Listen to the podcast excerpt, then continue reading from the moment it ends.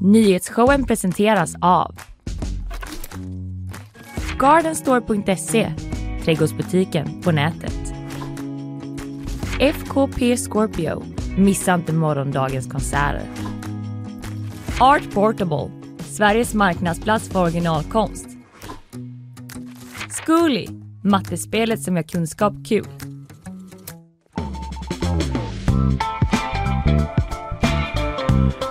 Ännu en dag i detta liv i denna stad som vi kallar Göteborg och eh, på denna tidning som vi kallar Göteborgs-Posten eh, och eh, jag kallar ju dig Ina Lundström. Det gör du för att jag heter det. Ja, och eh, varför gör du det svårare än så? Du heter ju Kalle Berg. Det gör jag och jag heter ju Kalle. Jag kallas ju inte bara för det. Nej. Det är mitt fullständiga namn. Och jag heter Ina. Det har är inte någon. Carolina, det är inga Karls. Så är det här idag. Typ inte ens tänkt på att det kan vara kort för Carolina ens.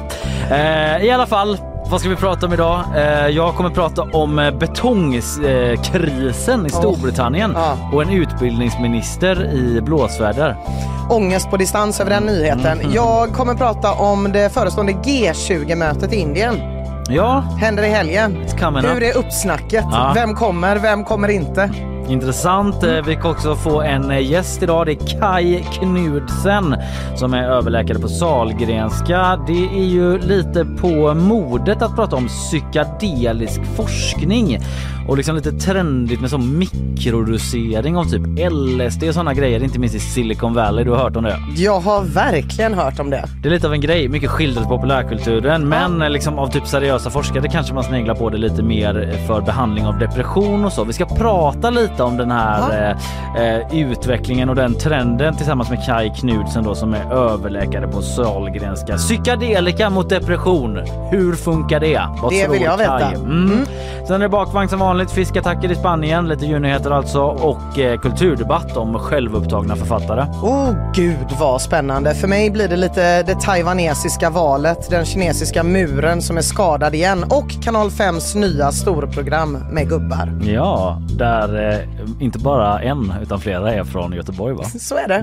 Blir lätt så i gubbsammanhang. Ja, m- mår du bra annars? Vet du vad, jag mår bra men jag mår också väldigt dåligt för att jag fick ett infall i morse eh, då vid eh, 5.02 när jag gjorde mig i ordning för att gå hit.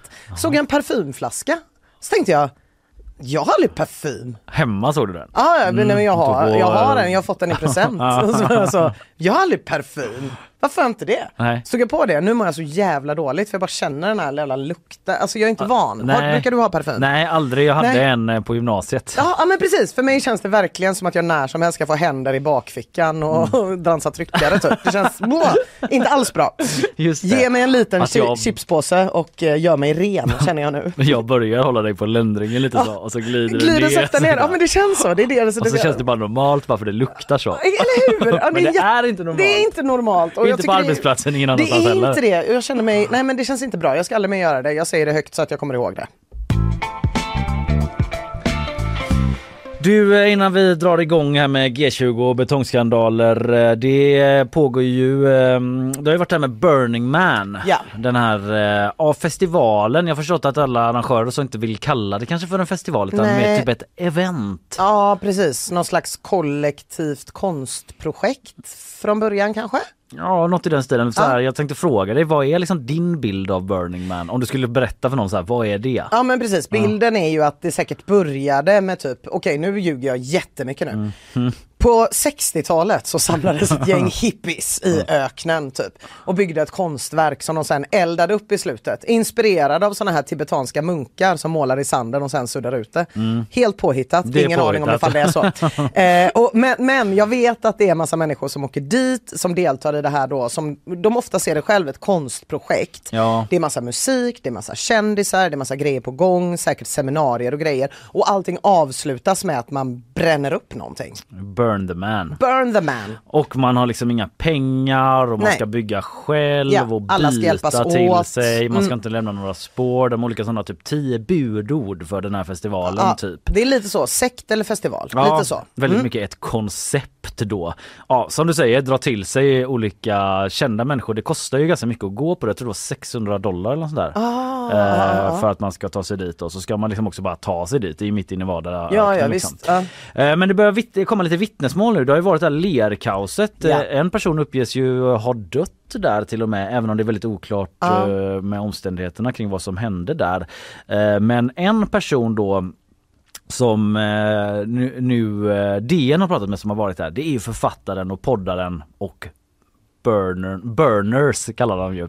Eh, Jaha, de som är där. Ja, jag vet inte om han själv kallar sig för det men det är Sigge Eklund. Ja, Känns det liksom eh, on-brand honom att vara där? det tycker jag. Ja. Det tycker jag nog. Jag har, jag har inte gigantisk insikt i Sigge Eklunds liv.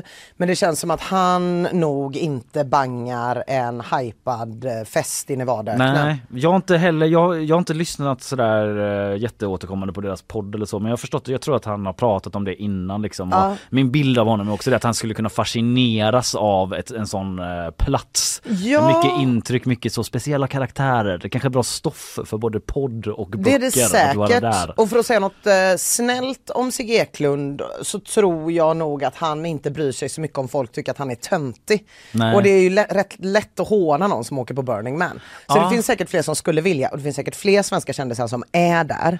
Men som kanske inte gärna vill prata med DN om det. Nej, Joel Kinnaman var ju där till exempel. Ah. Fick man reda på via hans tjejs, eller fru kanske, jag vet inte, Instagram. Att de var Ah. tvungna att fly. Som, Fly. det var inte de som sa det, det var Aftonbladet. Men bege sig därifrån. Ah, ah. Eh, Men Sigge Eklund, eh, han säger, eller skriver i ett mejl till DN att eh, jag glömmer aldrig det folk gjorde i leran. Nej Mm. Och han var tvungen då att vandra tre timmar genom öknen med lera upp till knäna. Nej Och sen ska han ha lyftat då, Ah. sista biten. va- men, men, men fast berättar han inte vad det var folk gjorde i leran? Nej, han Och måste man sparar bli väl så det. premiumkund till en jävla podd för att få höra det? Fan också, det är allmängods. Vi svenskar har skickat med våra skattepengar Sigge Eklund, nej det har vi inte, men det känns så. Det känns Åh, så. Det känns som att jag har rätt att veta vad. Ja, han säger, skriver bara så här. Det lustiga är att årets tema var animalia. Nog blev det allt lite djuriskt till slut. Jag såg folk göra saker i ledan som jag aldrig kommer att glömma. Nej men fy vad hemskt. Vad kan det vara? Eller är det bara krydd liksom? Nej jag tror det är 100% det är så att människor där, alltså som alla hippies oavsett Mm. om man är en sån techmiljardär hippie eller en sån klassisk hippie så man ju väldigt nära till eh, sin egen eh, Mm. eh, slåss för sig själv. Det har man ju lärt sig historiskt. Så Ja. att det, är- det är alltid så här hippie hippie hippie sekt. alla är lika mycket värda fast jag ska äga er alla. Alltså det finns ju en sån liten kurva. Mm. Eh, när det väl brister för en peace love and understanding person så brister det ju ofta rätt hårt. Eh, så att jag, Visst gör det ont när det gör brister det för dem. ont när det brister för en peace love and understanding person. Men det Så är att- någonting med åh. Burning Man, typ att det är så dubbelt. Att det dels är liksom typ eh, liksom hånat och fånigt men det drar också till sig typ de coolaste personerna i världen. Ja. Enligt många. Alltså typ skådespelare, så Diplo. Och Precis. eh, jag vet inte, typ så olika Kan du göra den teckentreprenörer. coola rörelsen? Det här, är min, det här är min Diplo, är ni med? White man's overbite. Man så trycka på olika knappar så. Ja. Ja, det här är jag vid ett eh, mixerbord.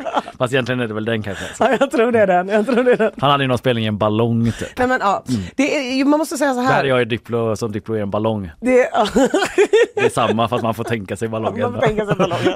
Men resten behöver man inte tänka sig. Nej. Där är det bara exakt porträttlikt.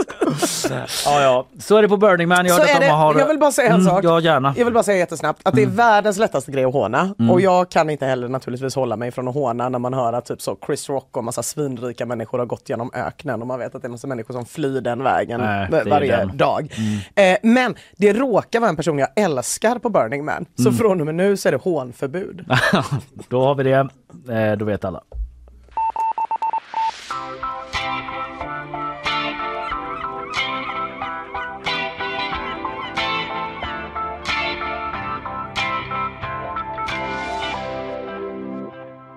Nej, ordningsvakter. Ordningsvakter är det nu ja. Vi Jag tala påade den så här. Nej, Ja, ordningsvakter. för jag sa nu är det du Ina och du bara nej.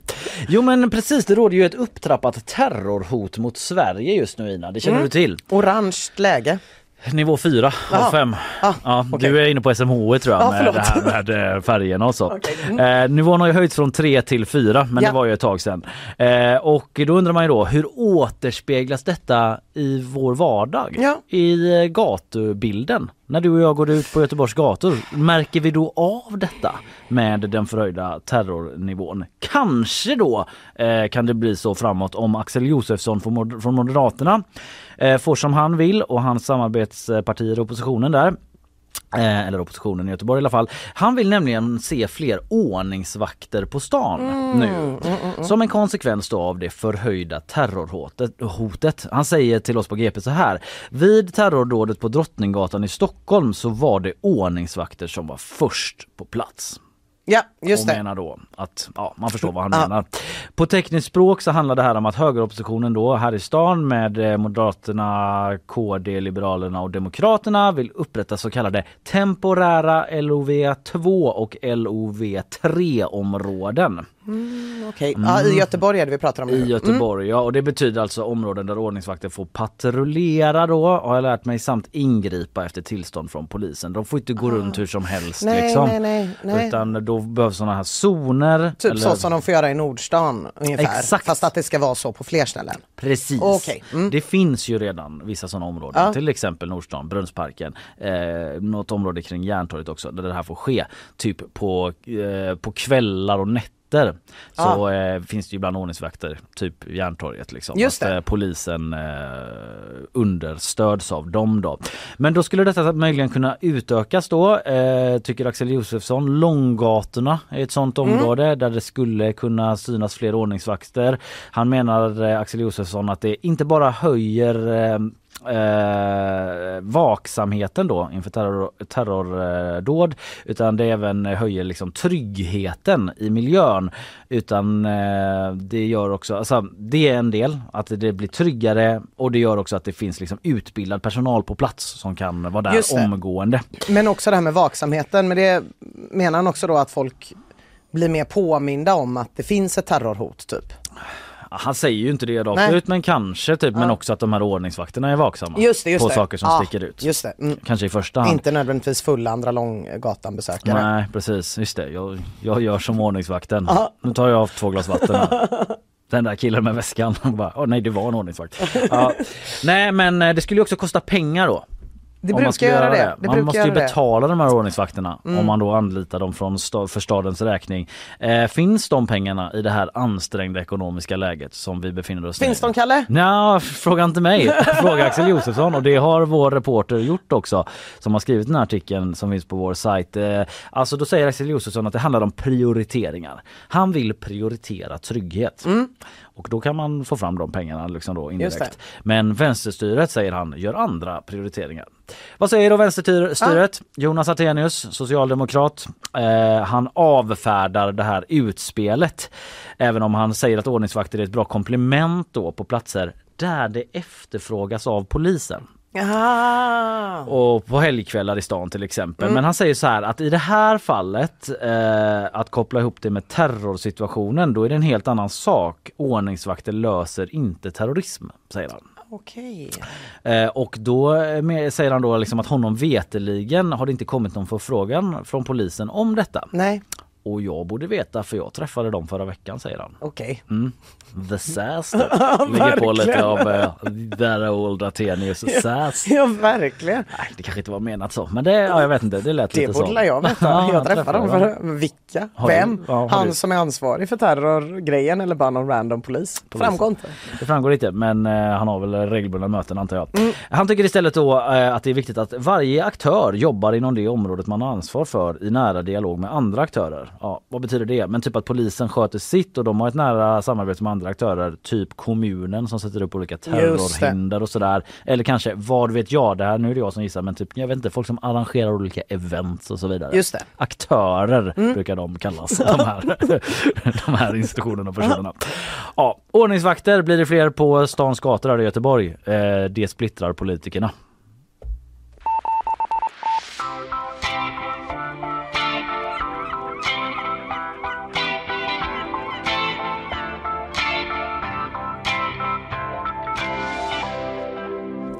På lördag, Kalle, då drar det igång. Äntligen. G20-mötet. G20-mötet är det du talar om. G20-mötet är det jag pratar Tänkte, om. är det något ny, nytt, nytt sånt här jubileumsevent? Ja, nej, just det. Ja, Kulturkalaset nej. 2. Kulturkalaset 3. Vi, Göteborg firar 400 år. Vi ska ha en festival igen. Eh, nej, men det blir G- G20-möte, ungefär som Almedalsveckan, fast för länder kan man säga. Eh, och det kommer hållas i New Delhi. Och där har man fullt upp kan jag säga. Man målar om officiella byggnader, man sopar och snyggar till på gatorna. Man installerar ny gatubelysning och man placerar ut blomkrukor. Fruktansvärt många blomkrukor. 700 000 blomkrukor sammanlagt pryder nu stans gator, skriver Hindustan Times. Och enligt den här tidningen då så har stans polis fått i uppdrag att hålla utkik efter tjuvar, missdådare och botanikentusiaster som skulle kunna tänkas förse sig med en gratis blomkruka Oj när de då. ändå går förbi. Det är en diger uppgift att bevaka sju, vad sa du, 700 000 plantor. 700 000! Och så kan ni väl vattna lite när ni ändå är där. Det är en rätt diger uppgift faktiskt. Eh, och dessutom tjuvar och missdådare, det vet man ju hur de ser ut. De har ju såna randiga tröjor och en sån liten check sotarhatt. Typ. Men hur fan ser en botanikentusiast ut? Precis. Det är svinsvårt att Hallå försöka... där. Hallå där! Curb your enthusiasm. Vi tittar gärna på blommorna men inte så noga. Nej. Nej, det känns väldigt svårt. Svårt. Man har också satt ut pappersdockor i form av stora apor. Det är inte för att pryda någonting utan det är för att skrämma iväg de här arméerna av mindre apor som annars kanske skulle attackera delegaterna i New Delhi. Så lite färg på lite gamla fasader, lite blomprakt, lite färre apattacker. Låter trevligt på det stora hela men sen har bara farten. Så rev man en kåkstad också som skulle ha förstört utsikten för Biden, Macron och alla andra mäktiga mötesdeltagare. Okej. Indien förnekar såklart att det här skulle ha någonting alls med mötet att göra. Man säger så här, byggnaderna de var bara olagliga och skulle ändå rivas. Väldigt många andra tycker tajmingen verkar mycket, mycket suspekt. Speciellt eftersom att Indien har mörkat sina problem med fattigdom i liknande sammanhang tidigare. För år 2020 när Trump kom och hälsade på Indiens premiärminister Narendra Modi byggde man en halv kilometer lång mur längs en vägsträcka där Trump skulle köra förbi. Så presidenten skulle slippa se liksom, den här trötta, tråkiga slummen där bakom muren. Dubbelseger också för han gillar ju murar. Han gillar murar, dubbelseger. Trump blev säkert svinglad. Man gjorde det av säkerhet sa Indien. Alla andra sa nej, ni försöker bara mörka att ni har ett jättestort problem med fattigdom. Jag måste också bara tillägga att det här besöket gick under parollen Namaste Trump.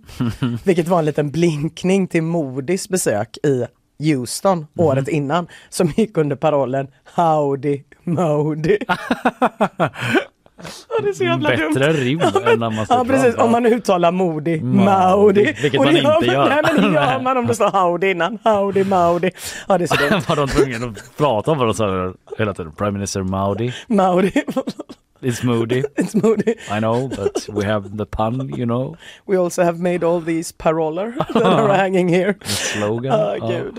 Eh, nej men det är ju i sådana här lite internationella sammanhang som Indien verkligen vill liksom borsta av kostymen, sätta sig ordentligt rakryggat i bänken. För Indien vill ju såklart vara liksom den stormakt att räkna med i världens ögon som det ju faktiskt är. De har ju varit på månen nu. Det är världens största land, herregud, 1,4 miljarder invånare. Och efter att relationerna med Kina har surnat rätt ordentligt de senaste åren, vilket vi har pratat en del om här i nyhetsshowen också, så vill man ju mer än någonsin vara kompis med USA och andra västländer. Och då går det ju inte att ha massa kåkstäder och inte 700 000 blommor, oh 700 000 blomkrukor. Men det är faktiskt sjukt nog så att det är mindre än en fjärdedel av New Delhis befolkning, 16 miljoner invånare, som bor i planerade eller typ godkända områden på något sätt. Övriga 12 miljoner bor i slumområden och vad CNN kallar unauthorized neighborhoods. Det vill säga typ någon har väl bara byggt ett hus någonstans och så har någon annan byggt ett och så har det bara rullat på. Det blir mycket att riva, men de har några dagar på sig. Men vilka är det de försöker imponera på då? Vad är G20 egentligen? Ja, nu blir det en liten undervisningsstund här. Det finns ju några olika gen. Vi eh, kan ju börja med G7, Group Ja. eh, of Seven. Det är inga konstigheter. Det är Kanada, Frankrike, Tyskland, Italien, Japan, England, Amerika. EU brukar skicka lite representanter också när de har möten. Och det här G7 det startades efter oljekrisen på 70-talet för att liksom inte det skulle bli några fler sådana tråkigheter ja. i fortsättningen.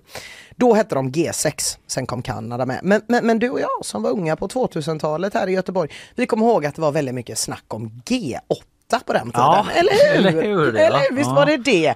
Det stämmer. 1998 går nämligen Ryssland med i G7 som det hette då. Då fick de heta G8. G8.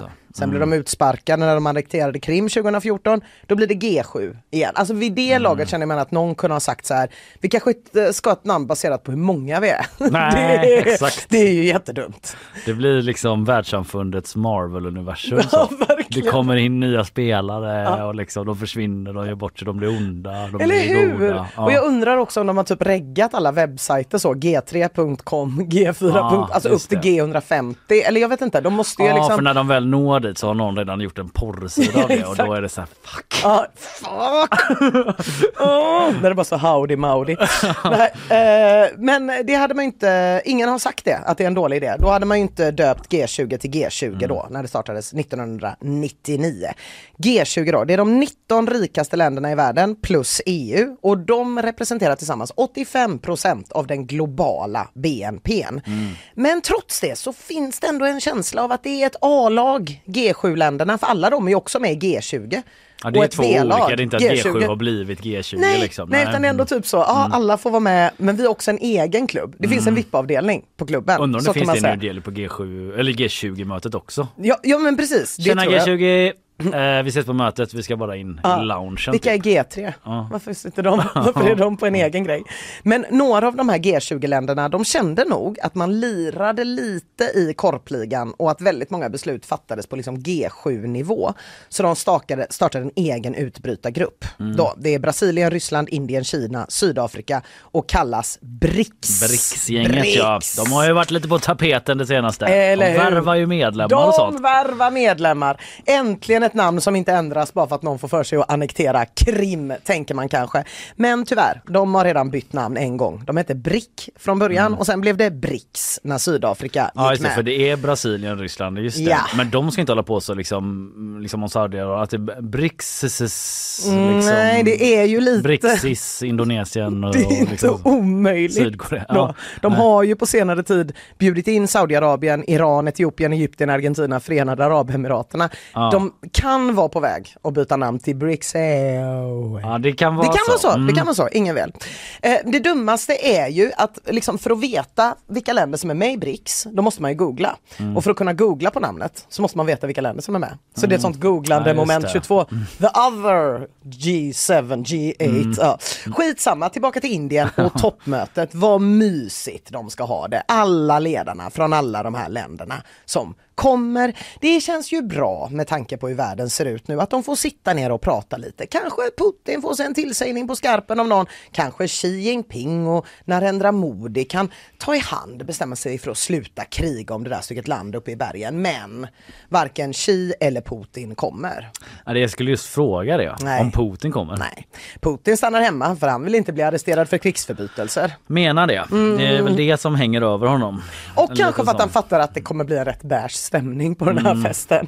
Xi håller sig förmodligen helt eh, och hållet hemma, verkar det som nu. Antagligen mest för att reta gallfeber på Narendra Modi då. Mm. Eh, så att de skickar ju representanter i alla fall, men ändå, det är frågan om det verkligen kan heta G20 när så många inte ens vill komma. Och den här lite kassa uppslutningen på årets G20-möte, den blir lite extra deppig eftersom årets möte går under parollen One Earth, One Family, One Future. Mm. Och liksom bygger vidare på idéer som presenterades vid ett G20-möte 2009. Storbritanniens dåvarande premiärminister sa att vi skulle gå in i en ny era, en progressiv era av internationellt samarbete. Världens rikaste länder ska jobba tillsammans för att kunna ta sig an problem med globalisering och klimatförändringar. Mm. Men så har det inte blivit, utan Nej. polariseringen har ökat inom länder och mellan länder. Klyftan mellan västvärlden och övriga länderna, den har breddats. Det kanske är lite symboliskt på något något sätt att det är Indien som är värdland i år som på något sätt står med en fot på varje sida av Ja. den globala klyftan och gör en Just epic det. split. Liksom. De vill vara kompis med USA och väst men de vägrar att kritisera Ryssland för invasionen av Ukraina.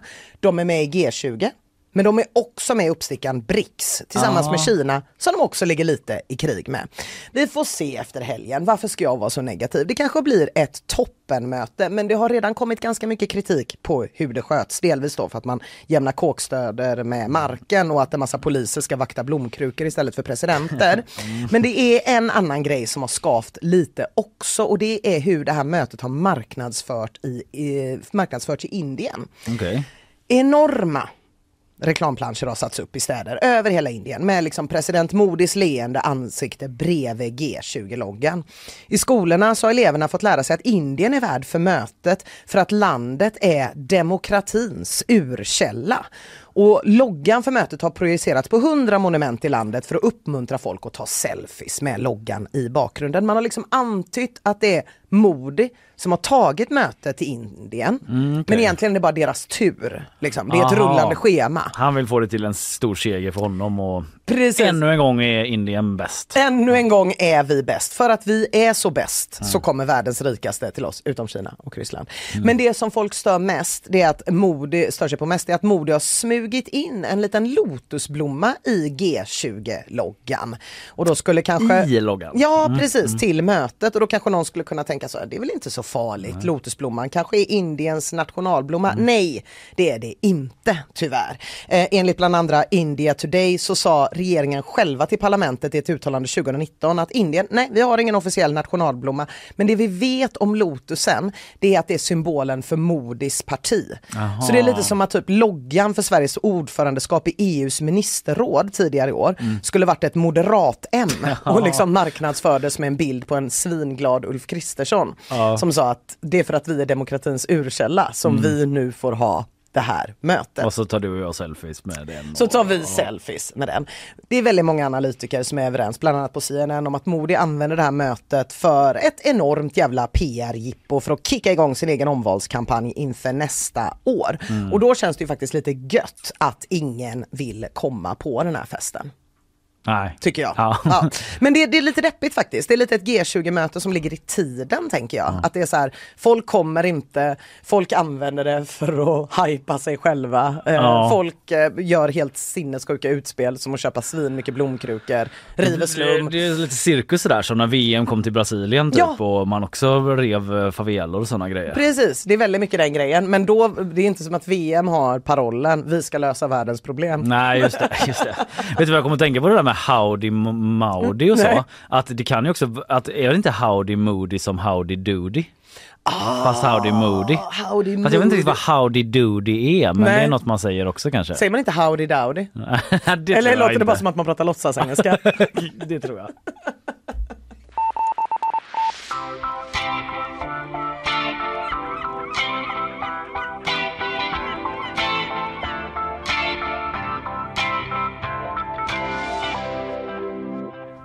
Ja, vi får ju gäst om ett tag. Det är Kai Knudsen som kommer hit. Han är överläkare och universitetslektor i klinisk toxikologi som det kallas på Sahlgrenska här i stan.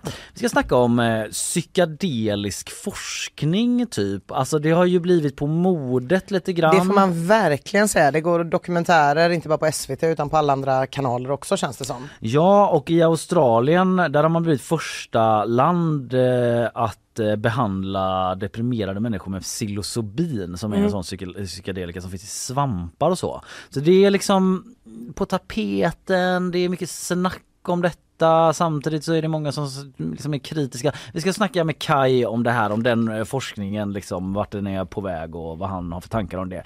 Eh, först ska vi lyssna på våra sponsorer. Nyhetsshowen presenteras av Gardenstore.se Trädgårdsbutiken på nätet. FKP Scorpio. Missa inte morgondagens konserter. Art Portable. Sveriges marknadsplats för originalkonst. Zcooly. Mattespelet som gör kunskap kul. Ja, ja, betongkrisen i Storbritannien ska jag snacka om om en stund också. Men eh, först så ska vi få ett nyhetssvep. Eh, Sofia Magasanik, god morgon. God morgon. Hej Sofia. Hej. Du, eh, hur står det till? Jo men det är bra. Jag tror att jag har drabbats av den klassiska höstförkylningen. Nej. Men det kom ju som ett brev på posten så jag var, jag var redo på det kuvertet. Du var redo. Trots att eh, liksom sommaren är bättre än någonsin. Så Ja. här, eh, första veckan i september. Kroppen vet att det är september. Ja, den kan man inte lura. Man kan inte lura kroppen. Eh, vi kan inte lura er lyssnare heller kring att det är nyhetssvep just nu. Nej, det är det det är. Det är ju det det är liksom. Det är det, det. Sömlös övergång. Det var topp, liksom inte topp 10 kanske. Nej. Men eh, vi skiftar om i ton och släpper över ordet till dig Sofia, varsågod. Den kända hamburgerkedjan Jureskogs lämnar Göteborg men ersätts av en annan hamburgerkedja. Krögaren Johan Jureskog beskrev bland annat ambitionen efter öppningen 2020 var att bli den st- fjärde största hamburgerkedjan i Sverige. Men efter det har restaurangen kostat mycket pengar och nu stänger man portarna. Istället flyttar hamburgerkedjan Mr York in på Gamla Ullevi. Frölunda-profilen Peter Gustavsson har avlidit efter en viss tids sjukdom. Gustavsson spelade 12 säsonger i Frölunda. 1980 vann han eh, SM-silver med klubben och tio år senare, 1990, var han med Frölunda när de avancerade till elitserien. Till det har han spelat två NHL-matcher i Colorado, Colorado Rockies. Peter Gustavsson blev 65 år gammal. Den högerextrema amerikanska gruppen Proud Boys tidigare ledare Enrique Tarrio döms till 22 års fängelse efter upploppet mot amerikanska Kapitolium den 6 januari 2021. Den tidigare ledaren var själv inte på plats vid stormningen men döms för bland annat uppviglande och konspiration för att stoppa kongressens godkännande av Joe Biden som president. Terrio, som är den sista av de åtalade i Proud Boys att dömas efter upploppen, får nu det längsta fängelsestraffet som hittills har gett några av de medverkande i stormningen av Kapitolium. Tack Sofia. Ja, Trump ska väl in i det där i mars eller något sånt där Jajamän. eh, om hans eventuella inblandning i stormningen. herregud. Än är det inte slut kan man ju säga. Nej. Det blir åka av. Tack Sofia, du återkommer eh, lite senare i programmet. Jajamän.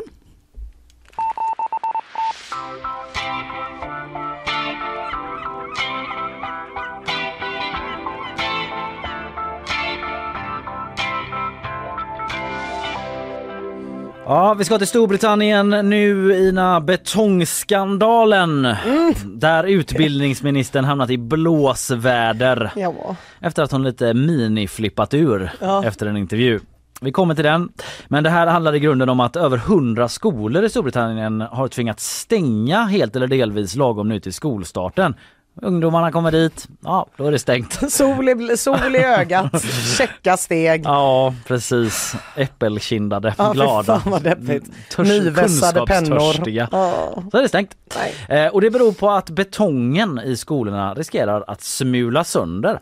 Det kan bli ras. Mm. Nej, men- Och eh, du vet ju hur det är med betong. Ja, Ja, det kan vara lite av en djungel.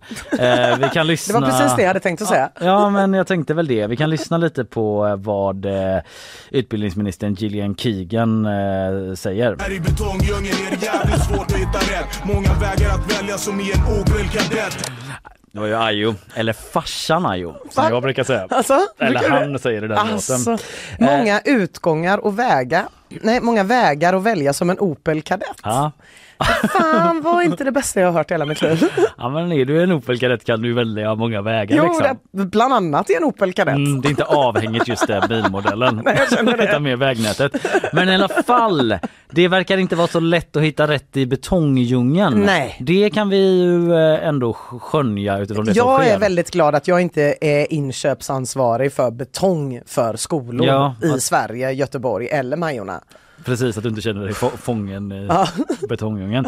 Men eh, den här betongkrisen då, den beskrivs så i brittiska medier eh, och eh, den kan utvecklas till en svår politisk huvudvärk för premiärminister Rishi Sunak och det konservativa partiet läser jag på Omni. För oppositionen, Labour då, de menar att de varnat för det här med darrig betong och eventuellt sönderfallande skolor 180 gånger i Oj. parlamentet. Oj, då finns det skriftligt på det. Ja, i Oh, olika no. protokoll.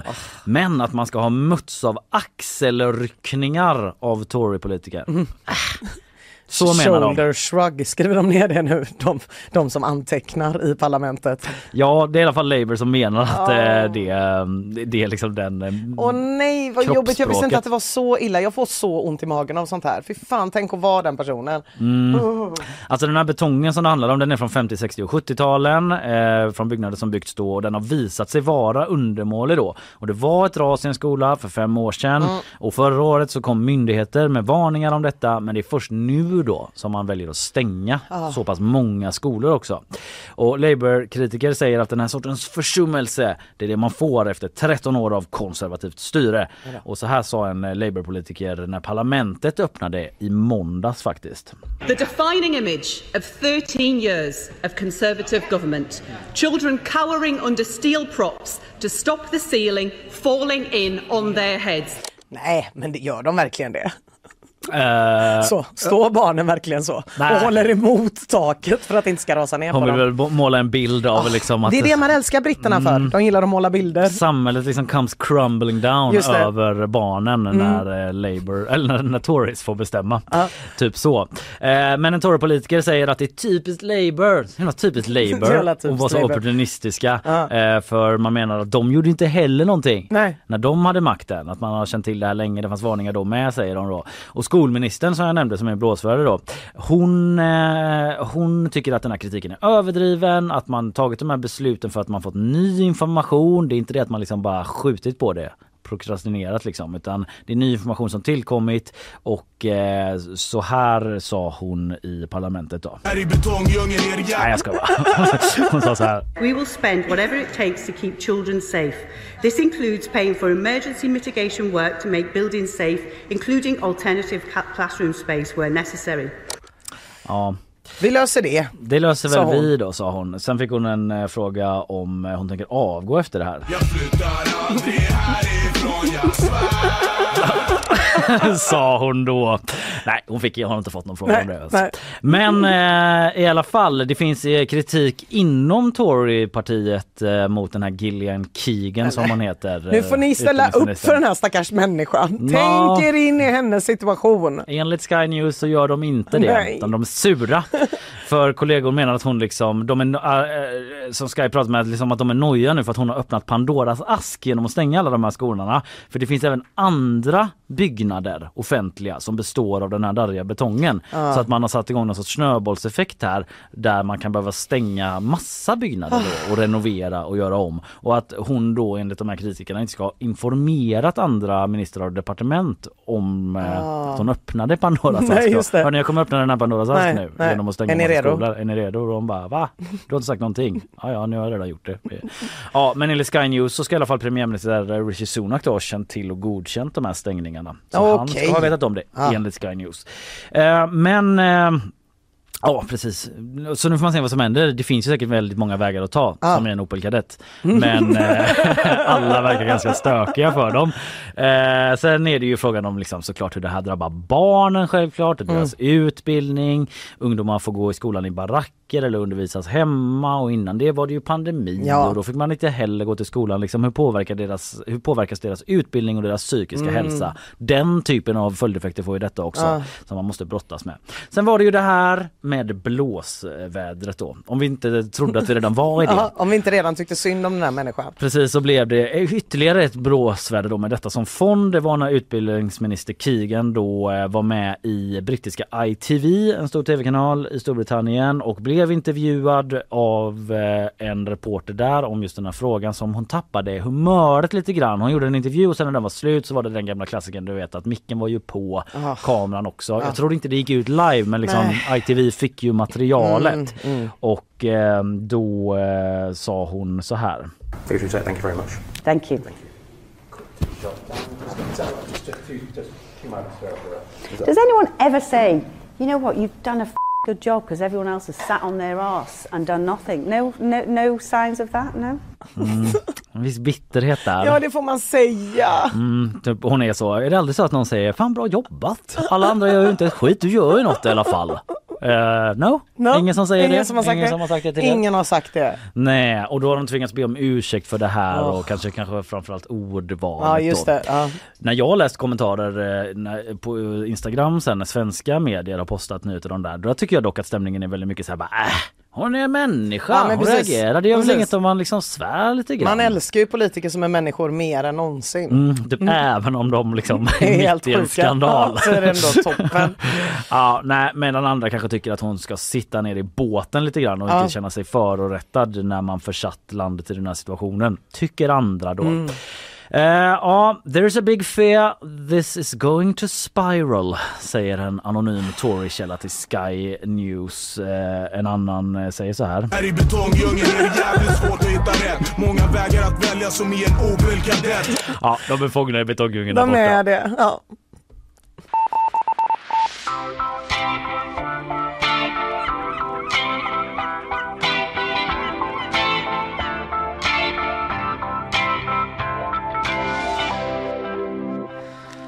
Kai Knudsen heter en man som är överläkare och universitetslektor i klinisk toxikologi på Sahlgrenska. Han sitter utanför vår studio, han är på väg in, han är dagens gäst. Vi ska prata om eh, psykedelika och forskning kring det. Det har ju lanserats som ett sätt, eh, som ett, eh, som ett eh, inte botemedel, vad säger, vad säger man, behandling? Behandling, just det. för depression bland annat i Australien. Vi ska prata lite om den här forskningen Mm. och hur Kai ser på det. Det är också liksom, går ju något av en trend i detta med mikrodosering och sånt som man läser om ibland. Men först eh, lyssnar vi på våra sponsorer. Nyhetsshowen presenteras av Gardenstore.se Trädgårdsbutiken på nätet. FKP Scorpio Missa inte morgondagens konserter. Art Portable Sveriges marknadsplats för originalkonst. Zcooly Mattespelet som gör kunskap kul.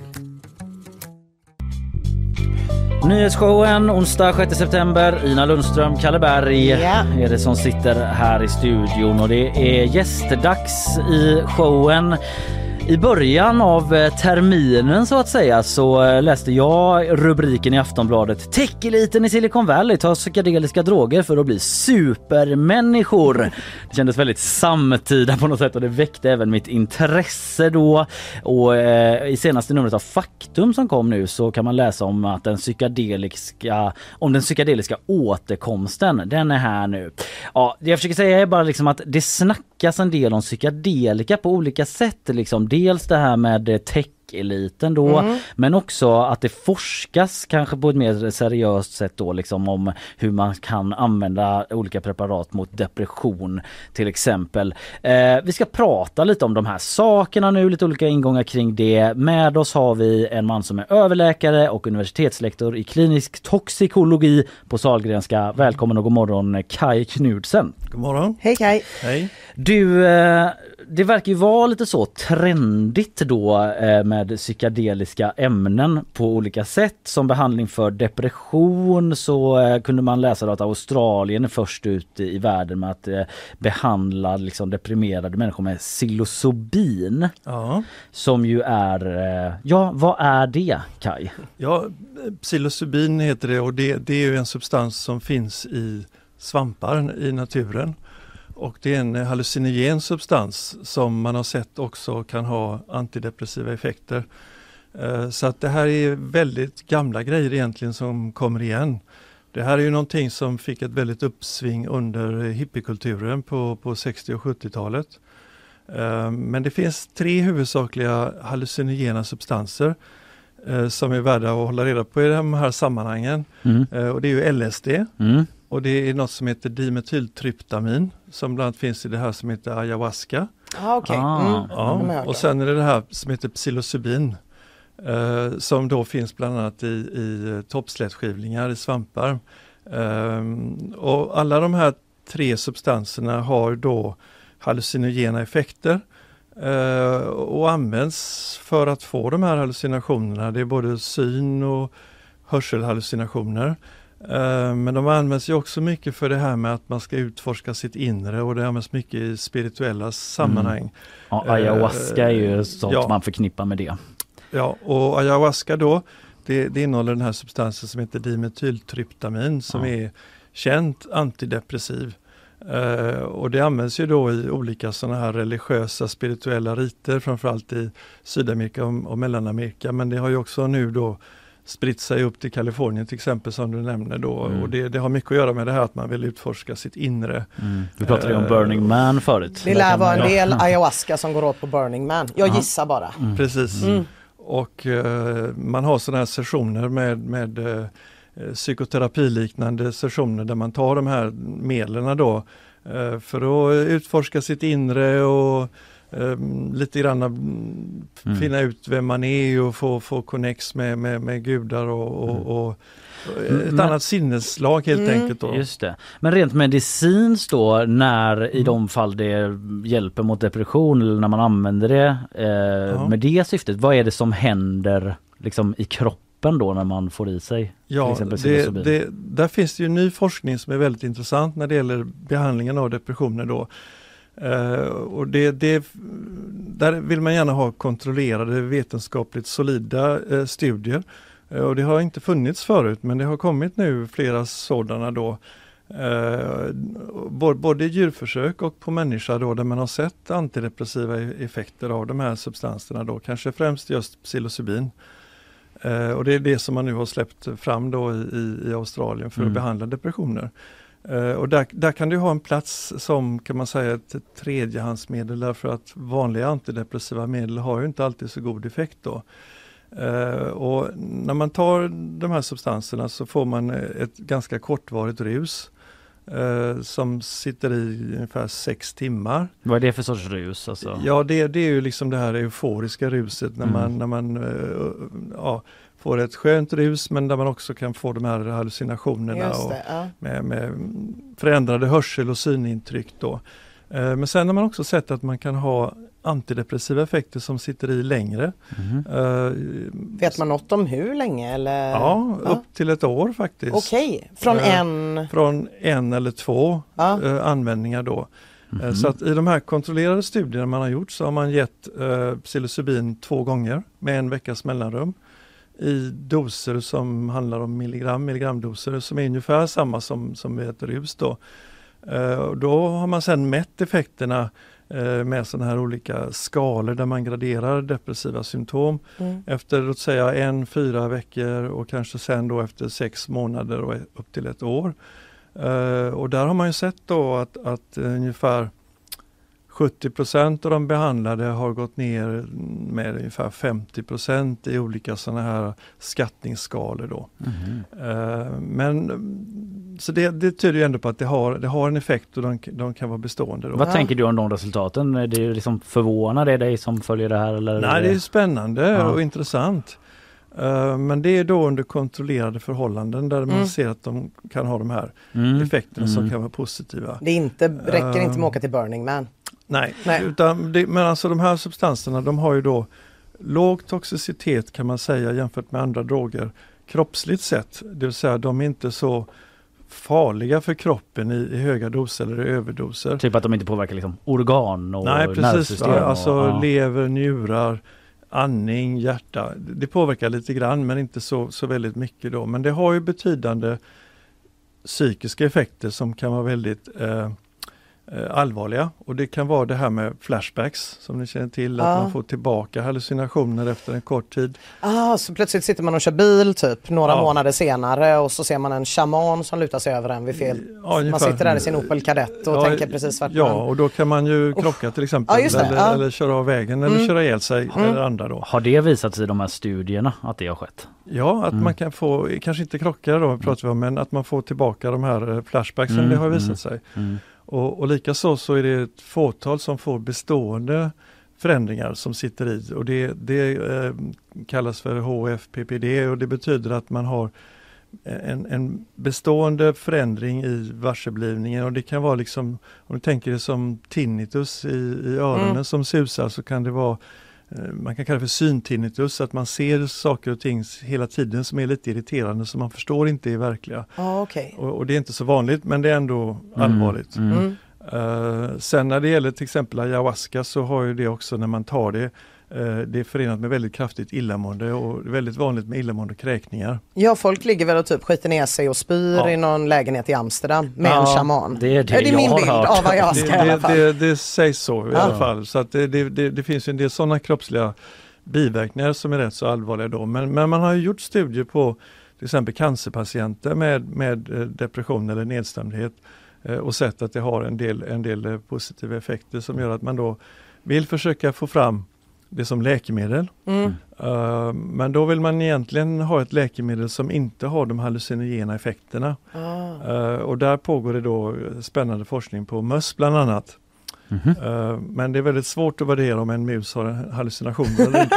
Det är ett jobb jag inte vill ha. Hur försöker man? Hur går liksom experimenten till rent konkreta? Jo, man försöker faktiskt se om musen har hallucinationer och bland annat har man sett att de har de får små tics så här, de ruskar på huvudet eller på, på, på huvudet så här på nosen. Alltså förlåt, men de, de smyger Musen. fram och liksom, eh, eller de får en liten hutt av... Ja, alltså de verkar liksom Ja. se någonting. Ja. Ah, Så då tror man att de har hallucinationer. Aha. Men man kan ju inte fråga dem. Så Nej, man kan ju eh, inte det. nej.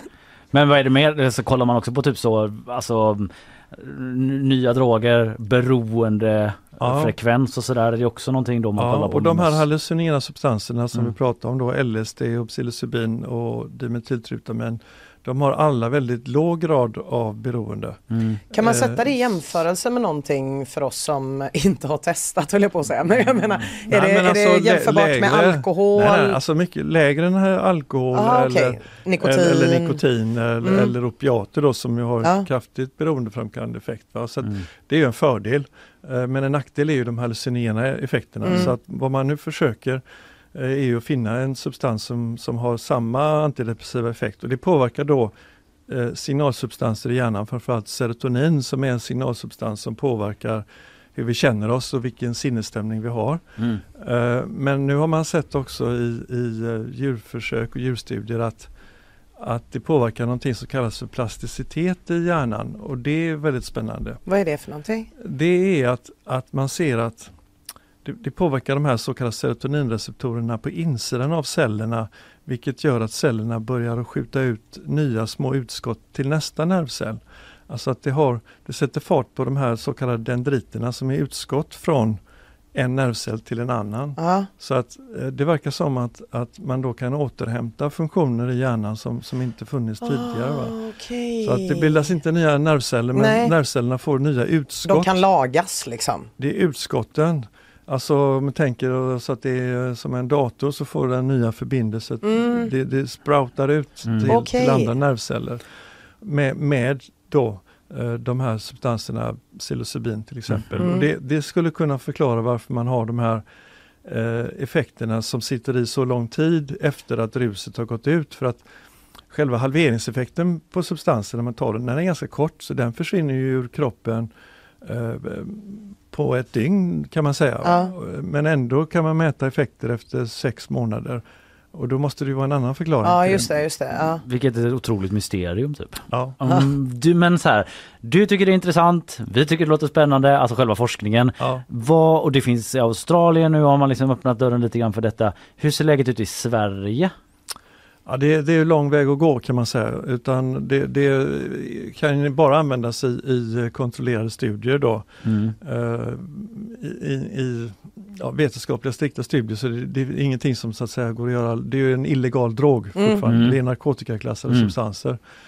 Eh, och det kommer sig av att det har allvarliga biverkningar och, och psykos är ju det värsta så att säga när man får en allvarlig psykos. För att det vet man att det höjer risken för självmord och det höjer ju risken för att man gör tokiga saker som att hoppa ut från höga eh, hus eller broar eller någonting sånt. Mm. Va? Så att det måste ju vara under kontrollerade former än så länge då. Och det är det ju till exempel inte när man plockar sån toppskivling i skogen Nej. här i Göteborg som man har via skutan på GP. Det Nej. får man ju vara väldigt tydlig med bara. Det får man vara liksom, väldigt att tydlig det, med. Ja. Det är inte Ja. en Det är inte som att man kontrollerad studie. tänker, jag ja. är lite ledsen, jag går ut Nej. och tar en svamp. Det är inte så man ska göra. Nej. Men, men, men finns det sådana här studier i Sverige också, kontrollerade studier som görs? Eh, inte som jag vet, men, men, men i både England och Schweiz så, så pågår det. Ja, Eh, och uh, framförallt England har en hel del studier. Men uh, alltså det, det är lite grann så här att det, det, är ett gäng entusiaster som driver detta som många gånger också själva har använt de här drogerna. Och det var lite grann så det började ju med LSD. att Hoffman som syntetiserade LSD första gången 1938, han tog det ju själv ja. så. Och, och, på den vägen är det faktiskt lite mm. grann fortfarande. Uh, så att jag har ju hört föreläsare från England som driver den här forskningen som själva då också använder det. Mm. Uh, och det gör ju att man blir lite skeptisk till, till trovärdigheten i den entusiasm som de förmedlar kring Just användningen det. av de här substanserna. Mm. Men, Don't get high on your own supply som vi brukar säga i knarksammanhang. ja, okay. ja. Mm, vad tänkte jag på? Ja, men för det är ju, nu, nu har vi ju liksom talat om det medicinska och forskning och ja. studier och sådär men sen finns det ju liksom den här allmänna trenden i att så människor som Elon Musk använder sig av ketamin, det är någonting annat ja. men det är ju ett eh, bedövnings Ja, ketamin är ju närbesläktat då. Mm. Det är mm. egentligen ett narkosmedel eller ett anestesimedel som man har för att söva patienter. Det är starkt, starkt smärtstillande. Och det är en så kallad dissociativ drog vilket betyder att man man hamnar i en annan värld så det är också ja. en kraftigt hallucinogen substans. Då. Mm. Eh, men den används framförallt i smärtbehandling och den är också ett bra narkosmedel om man har någon som är instabil till exempel som sitter fast i en trafikolycka, instängd i bil, man inte får loss någon som är eh, allvarligt skadad så kan man så att säga ge dem snabbt ketamin då för mm. ett snabbt anslag. Mm. Nej, ja, men jag, jag, bara tyckte det var så spännande för du pratade om att eh, med LSD gjorde kopplingen till hur det var på 70-talet eh, ja. och, och, forskningen som har gjorts kring det. Men är det inte ändå någonting nytt med att typ så världens rikaste människor håller på att experimentera med droger? Jo, det, men det har ju alltid funnits kan man säga en, en, en elit om du vill använda det uttrycket ja. som, som har använt det här. Ja. Uh, och, alltså både LSD och ecstasy inte minst ju, har ju varit populärt inom psykoterapin då mm. under många år men då har det också varit det här problemet att det varit liksom vissa entusiaster som har drivit detta. Uh, inte minst när det gäller LSD under, under 50 och 60-talet men det ledde ju till många allvarliga biverkningar med folk ja. som tog livet av sig och, fick allvarliga psykoser och det gjorde ju då att att man blev väldigt strikt med, med narkotikaklassifikationen av detta och, och, inte ville liksom släppa loss det. det. Mm. Uh, men nu är det en ny våg och uh, kan man modulera de här molekylerna på ett sätt som gör att man får bort till exempel de hallucinogena effekterna så kan det mycket väl ha en, en, en, en en bra plats, en etablerad plats i behandlingen av depressioner som ju är mm. ett svårt tillstånd, en, mm. en utbredd folksjukdom och som många gånger man inte når fram med klassiska antidepressiva medel. Tror du att det har någon extra, något extra problem om man tänker forskningen eller hur man skulle kunna använda det för att det används som en helt vanlig drog också? Ja, ja absolut, ah. det är ju det. Och, och, därför är det så viktigt att man har kontrollerade studier. Ah. Mm. Uh, men det är också svårt i en studie till exempel, man vill ha det man säger för eh, randomiserade kontrollerade studier med placebo. Ja. Att man, får, man behandlar patienter med ett problem med, med en drog mm. som är psilocybin till exempel eller placebo som är sockerpiller. Mm. Kalle får sockerpiller och jag får psilocybin. Eh, nej, ni får båda men, men eh, omväxlande då. Okay, och då ska ni inte veta vilken substans det är. Ah, ja, ja. Utan ni får först det ena, sen det andra. Ja, ja. Men ni kommer att förstå med en gång vilket det är, mm. därför att effekten är så tydliga. Just mm. Och det gör att eh, man kan inte dölja för den man behandlar eller, eller försökspersonen vilken substans det är. Och då blir det ju inte strikt blint. Just det. Mm. Det är ett problem. Just det. Just det. Mm. Man kan inte blinda Nej. därför att eh, folk kommer märka folk om de har fått i sig psilocybin. Mycket tydligt mm. med en gång. ja. Ja. Ja. Ja, eh, ja men det pågår ju samtidigt. Alltså jag, jag läste en bok i somras som heter eh, Allegro Pastel heter den väl. Eh, som, eh, ja men liksom den beskrivs som en så, åh vilken samtidsroman. Den fångar verkligen samtiden och den följer liksom så här 30 30-40-åringar som eh, bor i Tyskland och i Berlin och där är det jättemycket sådär att man typ så ska planera sitt rus med mikrodosering och liksom så här mm. det här med Elon Musk att han typ så föredrar ketamin istället för antidepressiva preparat från läkemedels. Alltså jag, jag vet inte riktigt vad jag får efter men att det finns liksom så här en trend i samhället som gör att folk har liksom en väldigt liberal inställning till att man liksom själva lägger upp någon sorts eh, behandlingsplan, drog, behandlingsplan typ. för att liksom så här, Mm. excel as a human being och typ Jo. förhöja verkligheten. Eh, jag vet inte Ja. exakt vad min fråga är. Vad tänker du om det? Kaj Nej men alltså visst finns den trenden och det, det gör det sen kanske 20 år skulle jag säga att det Mm. finns ett ökat intresse för hallucinogena substanser allmänt men mer då som drog och som berusningsmedel. Ehm, Jag är ju färgad av mitt arbete som intensivvårdsläkare också där jag ser baksidan av detta. Mm. Eh, Jag ser ju de svåra skadorna, jag ser patienter som kommer in med eh, drogpåverkade, inte bara av en sån substans utan oftast är det fyra, fem olika substanser. Så att vi, vi, ser, vi ser ju det här blandmissbruket är ju det vanligaste, eh, inte minst då med cannabis. Eh, och vi, och vi tittade häromåret på personer som hade hoppat just från höga höjder Mhm. Eh, och såg då att i, vi hade sex sådana olycksfall under ett år och i fem av de sex så, så var, var de påverkade av cannabis. Mm. Så att det, det finns ju ändå allvarliga biverkningar med de här och, och får man en psykos det, är- det är en mycket allvarlig och obehaglig upplevelse.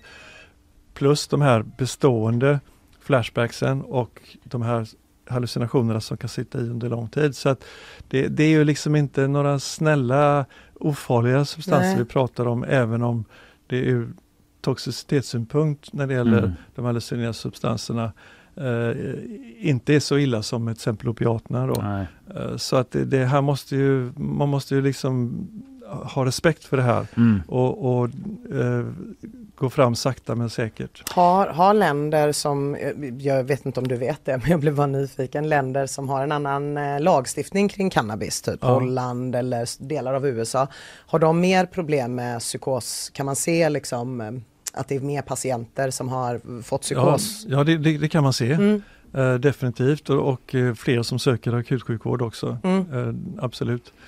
Eh, sen har man ju då, eh, hela cannabisfrågan är väldigt kontroversiell. Eh, man har ju diskuterat liksom att om man tar bort cannabis så skulle man få betydligt färre psykoser. Men det har ju varit svårt att visa då. Ja, Eh, okej. Men samtidigt så vill man förklara en ganska så stor andel av alla psykoser med cannabis. Då. mm. Eh, men men det, det, är en, det är en mycket svår fråga. Mm. Kanske vi får tillfälle att plocka upp någon Ja. annan gång men eh, Ja. Kai Knudsen har vi pratat med som ju är överläkare och universitetslektor då i klinisk toxikologi, toxikologi vid eh, Sahlgrenska. Eh, tusen tack för att du kom hit idag Ja, Kai. tack så mycket Ja, Kaj. tack så ha, trevligt. Ja, vi ska ta oss vidare i programmet som vanligt ju. Jajamän. Sofia kommer tillbaks med ett nytt eh, nyhetssvep alldeles snart. Sen blir det bakvagn. Det blir det. Nya tv-premiärer, murar i Kina, grejer i Taiwan, du hör. Ja, jag, jag hör det ja. Nu blir det, eh, vad heter det, sponsorer. Jajamän.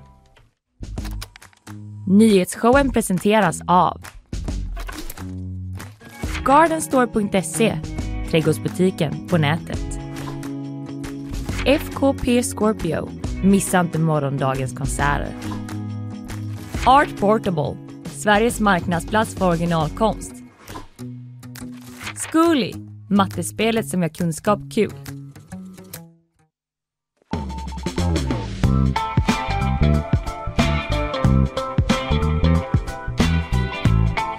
Solen stiger upp så sakteliga. Det har väl hållit på ett tag men över ett lite dimmigt Göteborg idag va? Vad får man säga? Det får man ändå säga. Eh, man får också säga att Sofia Magasanik har tagit plats vid eh, sin mikrofon. Jajamän. Gud Du- jag säger det igen. Ja, du, eh, vad händer där ute? Vi- Det är den här Proud Boys-domen som dominerar eh, nyheterna ganska mycket idag, under morgonen i alla fall. Precis, det är ju den sista av dem i Proud Boys som eh, har dömts nu. Han har ju också fått det längsta straffet på 22 år. Ja. Just det, den här högerextrema organisationen då. Ja, precis. Det är ju, eh, de har ju fått eh, liksom ett erkännande av, eh, av Trump, men de är ju väldigt tydliga med att de är väldigt högerextrema. Mm. Eh, så. så att, Och de eh, ska ha varit inblandade i den här stormningen då. av Av Kap- Kapitolium. ja, precis. Men jag tyckte du sa det förut att han som dömdes till det här allra längsta straffet, han var inte ens på plats. Nej, så här är det. Han, eh, några dagar tidigare så stal han en Black Lives Matter-flagga Mhm. och brände upp den och då blev han eh, uppmanad att liksom lämna staden och så han fick inte vara där. Och det har ju spekulerats lite i att det här kanske var ett medvetet drag, att han skulle hålla sig på avstånd. Eh, men han ska ju då i krypterade chattar liksom hört av sig både innan och under att liksom kom igen grabbar, kör. Mm. Eh, och det var ju, det var ju jättemånga på plats så, så att eh, det, ja, det är ju det han nu har dömts för, för liksom uppvigling och, och konspiration för det här. 22 år sa du? Ja, precis, 22 år. Så att han, eh, det var någon så här konstig analys som jag läste, eller CNN som sa att så här, ja, när han kommer ut, då kommer han bara vara ett år från pensionen. Ja, okej. Ja, jag tror inte att det är det han oroar sig för nu. Att det är så de har tajmat Nej. med straffskalan typ. För då kommer ju han ändå liksom vilja åka till Miami och tycka Ja, precis. Ja, precis. Det underbara amerikanska pensionssystemet. Då är det bara- att flytta till Florida. Donald Trump bor ju där så att... eh, Ja, mm, Ja, just mm, det. funkar. Ja och eh, på tal om honom då, han är ju också en del av den här eh, den stora rättegången kring Kapitolium. Det tar vi väl senare men han ska in i detta eh, nästa år. Ja precis, det är ju, han eh, sa ju bland annat innan och det är det Proud Boys mycket lutar sig på, att han sa att liksom marschera mot eh, Kapitolium, eh, ta tillbaka det här och sen så efter, eller i samband med det här så, så sa han ju, nu kommer jag dra det här på engelska, eh, We fight like hell and if you don't fight like hell you're not going to have a country anymore. Mm. Eh, och eh, det blev ju liksom, det, det var ju, de hotade ju inte bara eh, demokratiska representanter utan bland annat så var det ju liksom en, en chant då att de upprepade högljutt att man skulle hänga Mike Pence då för att han inte skulle Mm. godkänna det här president... Eh, Mm. Nancy. Ja. Han letar efter Nancy Pelosi också Ja. där. Ja, Ja, mm, det kommer onekligen bli intressant. I mars tyckte jag mig höra på radion eh, Mm. var det dags för Trump att träda in i den här rättegången då. ja. Mm. han har ju då sagt i Georgia då, då så ringde han ju upp och sa att så här, jag vill att ni ska hitta, vad var det, 11 760 röster eller någonting. Ja. Och det är väl kanske inte ett jättebra liksom bevis mot, mot Trump. Då, då när man ringer och, och tar ett sånt samtal. Nej, just det, är lite olika processer som pågår där. Eh, Ja. Olika rättegångar och så. Eh, så. Ja. Nej, men och sen så har jag tidigare sagt också, bara ska läggas till när det kommer till Trump, liksom Proud Boys eh, argument för det, de kallar sig för Trumps armé eh, och att han tidigare har sagt eh, stand back and stand by till de här Proud Boys och stand Ja. by, det är ju liksom lite var redo. Ja, ja visst. Mm. Så att den här uppmaningen som kommer att marschera på Kapitolium, det, ja, det, det kan ju, eh, ja, man kan ju säga att det kanske hänger ihop lite där. Mm. Ja. Vi får se vart, eh, vilken dom som eventuellt faller eller vad som händer när den rättegången fortsätter. Sofia Magasanik, tusen tack. Vi Tack. går vidare.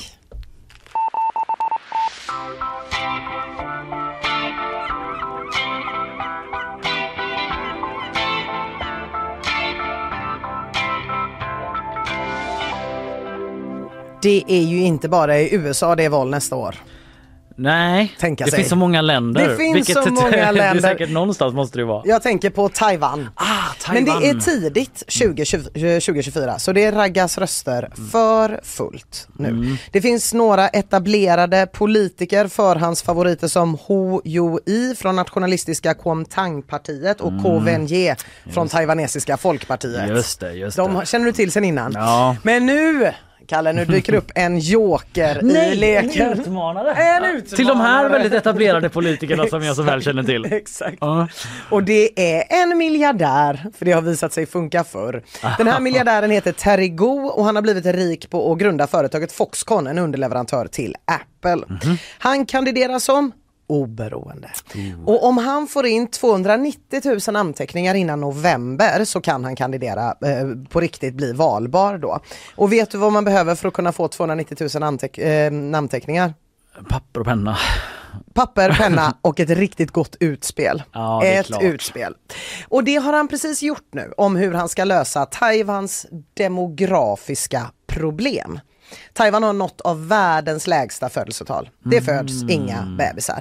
Myndigheterna varnar såklart för det här. Gamlingarna, de kostar massa pengar säger man. Unga behöver vi för att kunna försvara vårt land militärt. Mm. Till exempel ganska spänt läge mellan Taiwan och Kina. Ja. Och Kina som helt enkelt bara tycker Taiwan är en del av oss. Precis, och så står deras armé där fullt av liksom 70-plussare som bara Precis. Vi kommer försvara det här i graven. Så gamla gubbar i Beijing bikini. Nej, det går ju inte. Varför skaffar de inga barn i Taiwan då? Jo, det är för att eh, enligt taiwaneser själva, dyra levnadskostnader, svårigheter med barnomsorg, alldeles för traditionella könsroller. Men det finns någonting de skaffar istället för barn och vet du vad det är? Ja, vad brukar man? En hund typ? Jajamän, visst är det så. Husdjur. Ja. Taiwaneserna skaffar husdjur som aldrig förr. Så Terrigo kom med den här lösningen på landets befolkningskris. Par som skaffar barn ska få, Ett husdjur? ja, ett gratis husdjur. Till ett gratis husdjur. Till Farmosa TV förklarar han det så här, det är inte min översättning från den här taiwanesiska nyhetskanalen utan det är nog från eh, BBC.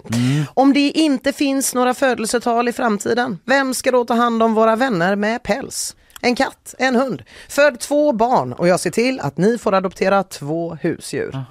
Som småbarnsförälder, Kalle, skulle det här... Nej, vet du vad? Jag tänker på det ganska ofta faktiskt. Det har varit min mardröm att föra in ett djur i den här ekvationen. Ja, ja. Jag vet inte liksom, alltså Ja men en hund i det här läget Mm, liksom. ja. Som man ska ut och rasta och du kan aldrig åka någonstans. Sen är inte jag en hundperson. Nej. Jag tycker they're all right liksom. Ja. Men jag, jag behöver ändå sakta bygga relationer till hundar för att liksom kunna Just det. acceptera dem. Katt då? Jag gillar katt. Mm. Det hade varit okej. Fast så här, det är nog med liksom omhändertagande av avföring. Det Mm. Ja, är just det. också att jag kanske inte behöver göra det mer i mitt liv. En tråkig grej är ju också att eh, när bebisar börjar krypa Ja. fram till kattlådan. Ja precis, Ja. du fattar ju själv. Nej, men det barn stoppar saker i munnen. Det- Det... man kan ju också säga att en katt är ju inte jättedyr. Så Nej, det kanske inte exakt. står och väger med de 22 kronorna som man brukar betala. Nej. Och sen är det också någonting med att om de redan skaffar husdjur då istället för barn. Ja. Varför ska han då ha en drive som är att eh, du får husdjur? Eller, Annars, ja. men, nej, men precis, det borde ju snarare vara så här, har du tänkt att skaffa husdjur? Det får du inte. Nej, om du Ingen- inte skaffar barn först ja, liksom. ja precis, eller, eller bara inte alls. För Nej. då kanske all den här kärleken Nej, och omtanken som man plöjer ner Ja. i en pälsboll. Och så var, kommer det, det bli sån liksom sluttande plan då, att Ja. man måste förbjuda liksom tamagotchis för då har man det. precis, så kan det bli. Det, förbjuda så kan det bli. liksom, Man skulle ju i och för sig kunna ta tag i några av de problemen som taiwaneserna själva har Ja, uppmärksammat i det. anledningen till att de inte föder barn, att det inte finns någon barnomsorg, Ja. det är för dyrt att leva, det. det. är alldeles för traditionella könsroller. Men eh, jag vill ju inte vara den som slår Terrigo på fingrarna. Han är ändå trots allt miljardär så han vet säkert vad han håller på med. Men ja, vi får väl se. Jag tänker spontant att man absolut inte vill ha hund när man har småbarn. Det finns en anledning att jag skaffade hund när min dotter var 14.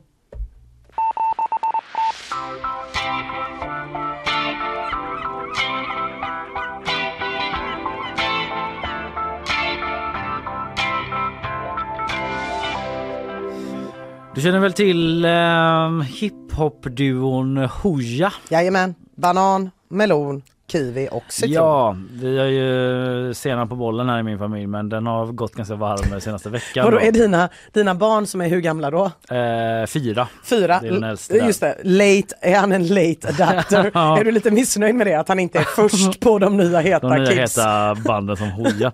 ah, men han har upptäckt det nu då Ja. via någon på förskolan antar jag. Någon coolare? Uh, någon coolare där, uh, så den går varm då. Men eh, det har ju varit eh, eh, nyhet kring att eh, för ett tag sedan då att Aftonbladet avslöjade deras identiteter. Precis. De, De gjorde väl det i samband med sommarpratet tror jag. Att eh, Hooja Mm. sommarpratade under eh, pseudonym kan man säga då. Ja. Eh, och då så kände man väl på Aftonbladet ändå att då är allmänintresset tillräckligt stort för att Ja. vi ska gå ut med deras namn. Precis, och då var folk så här, men eh, OneCast då?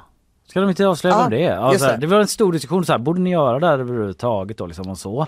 Eh, Hooja själva verkar inte vara så nöjda med det hela för de eh, nobbade nämligen Rockbjörnen, Ja. Aftonbladets eh, musikpris. Just. Eh, på grund av detta just. Eh, men och nu har Rockbjörnen varit. Ja det var Och igår typ Det var eller? igår ja. ja. Och vilka vann massa priser? Hoja? Hoja. Ah, var de där? Nej, Nej men de det var, väl var tur. ju inte där. Men det var fler som skulle ställa in sin medverkan vet jag. Det var fler som sa så här, nej vet du vad om ni ska hålla på Aftonbladet och outa Hoja då vill faktiskt inte vi heller vara med. Kommer inte ihåg vilka det var men det var några som drog den lansen i alla fall. Okej, ja, mm, jag vet inte vilka det var men eh, i alla fall det var när eh, de här priserna där fansen får rösta. Ja då blev ju folk ännu sugnare ja. Mm, exakt, årets grupp, årets genombrott, årets fans och årets låt. Eh, för banan, melon, kiwi och citron. Ja. Det är också någonting roligt med det, typ att jag tror att de, det kanske också var sånt lyssnande men typ på P3 Guld så vann ju de också.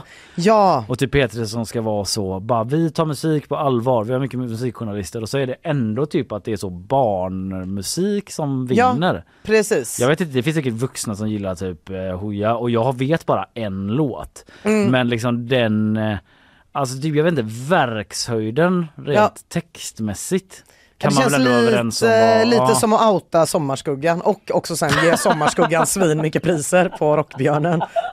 Ja men lite så faktiskt. Ja, det är taskigt. Ja, ja, men jag menar de är ju, de är ju väl, eh, det är ju lite någon sorts, ah, jag ska inte säga exakt vad Hooja är, jag eh, trampar säkert i klaveret då men det är väl lite på skämt också. Typ att den texten som jag hörde första gången då förra veckan typ så här, vi skulle dra till Stockholm. Typ Ja. att det handlar om att de är lantet som kommer till Stockholm liksom och sådär. Nej men precis. Eh, och eh, ja, men nu vann de i alla fall uh, massa priser då så i Aftonbladets Face, jag vet inte. Jag kan berätta att eh, det är Bolaget, ett band som jag tror också gör någon slags epa-dunk. Ja, Eh, och ett popband som heter Hemliga Klubben som också bojkottade eh, Hemliga Klubben som kanske också är anonyma, vad ja, vet jag. precis. Är det något vi inte vill stå bakom så är det när folk avslöjar hemlisar. Vilka var ni nu igen? Hemliga klubben. ja, Åh jag, gud, åh gud. jag kan väl avslutningsvis... Nej, men liksom, det är ju som att Björne skulle bli grillad typ så här. Ja, Nej, det är konstigt att det är till barn. Det är konstigt faktiskt. Eh, eh, Ett annat bekant ansikte på galan då Mm. som för femte gången på sex år vann eh, priset för årets manliga artist. Det är Låt oss inte liksom säga barnartist så på något sätt men han har varit en barnartist, eh, Benjamin Ingrosso. Ja, just det. Mm. Men han gör vuxenlåtar nu. Okej, Nu är det oj. vuxna som gäller för Oj, Benjamin det är viktigt. Det Viktig distinktion. Ja, det Ja, kan det tänker jag väl. mig. Men, Jag är inte så bekant med hans katalog Nej, men inte jag eh, heller riktigt. han är säkert stor bland barn också. Ja, det tror jag nog. Kan jag tänka mig. Vad sa du, han vann fem, femte året i rad? Ja, f- femte gången på sex år som han eh, Men- vinner det. Men är det, är det också publikpris? Eller är det liksom Aftonbladets recensenter som objektivt sett har kommit fram till att, eller subjektivt kommit fram till att det här är den största musikern vi har i Sverige idag? Jag tror, jag vet inte exakt, Nej. men jag tror typ att det är mer jury som Ja. utser. Ja precis, Carl påminner mig om att han vann ju också Kristallen för bästa. Han är alltså bäst på musik och, Och på TV. programledare i TV Ja, vad ska man säga? landet. All eventuell syrlighet som hörs i min röst, Mm. det är bara avundsjuka. Så är det.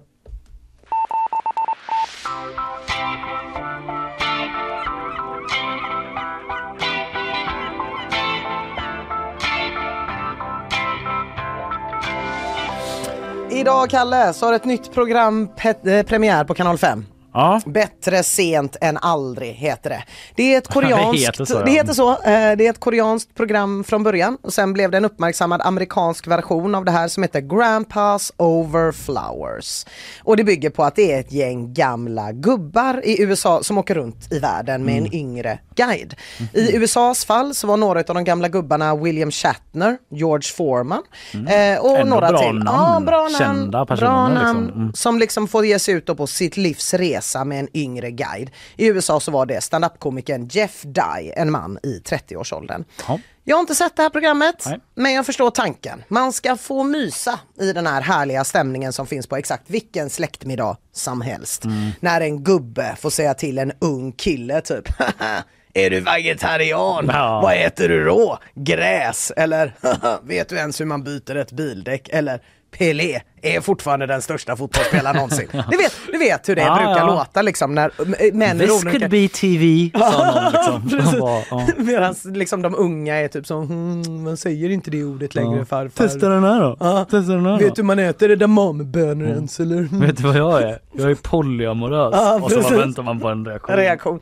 Det här pågår ju och jag tänker att det är kul kanske tv om man helt saknar den här dynamiken som är väldigt toxisk i sitt vanliga liv. Mm. Jag jag saknar den dynamiken i mitt vanliga liv så jag tänker ändå kul. Idag är det premiär för den svenska varianten. Gubbarna, det är inte William Shatner, det är inte George Foreman i den svenska versionen utan det är Claes Malmberg, Thomas Ravelli, Harald Treutiger och Kjell Bergqvist. Det är 75% göteborgare. Det är 75 procent göteborgare. Vi hade ju något av en storhetstid förr när det gäller Ja. offentliga personer. Ja, då var ju alla gubbar från Göteborg. Alla gubbar De var... var kanske inte gubbar då men de Nej. var det. Alltså rent åldersmässigt.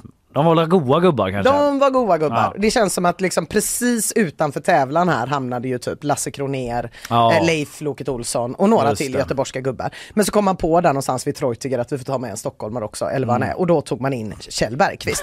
Så de här ska till Marocko, de ska till de skotska högländerna, de ska rida kamel. Alltihop ledda då för att skapa den här maximala kontrasten mellan generationerna Mm. av den unga, hungriga Peter Magnusson. Eh, vänta tänker du, Peter Magnusson, han är väl ändå nästan 50 år. Det skiljer bara knappt 15 år mellan Peter Magnusson och Ravelli. Det skiljer ju mer inom gubbgruppen än vad det gör mellan de gamla och de unga. Ja, det här slog mig också.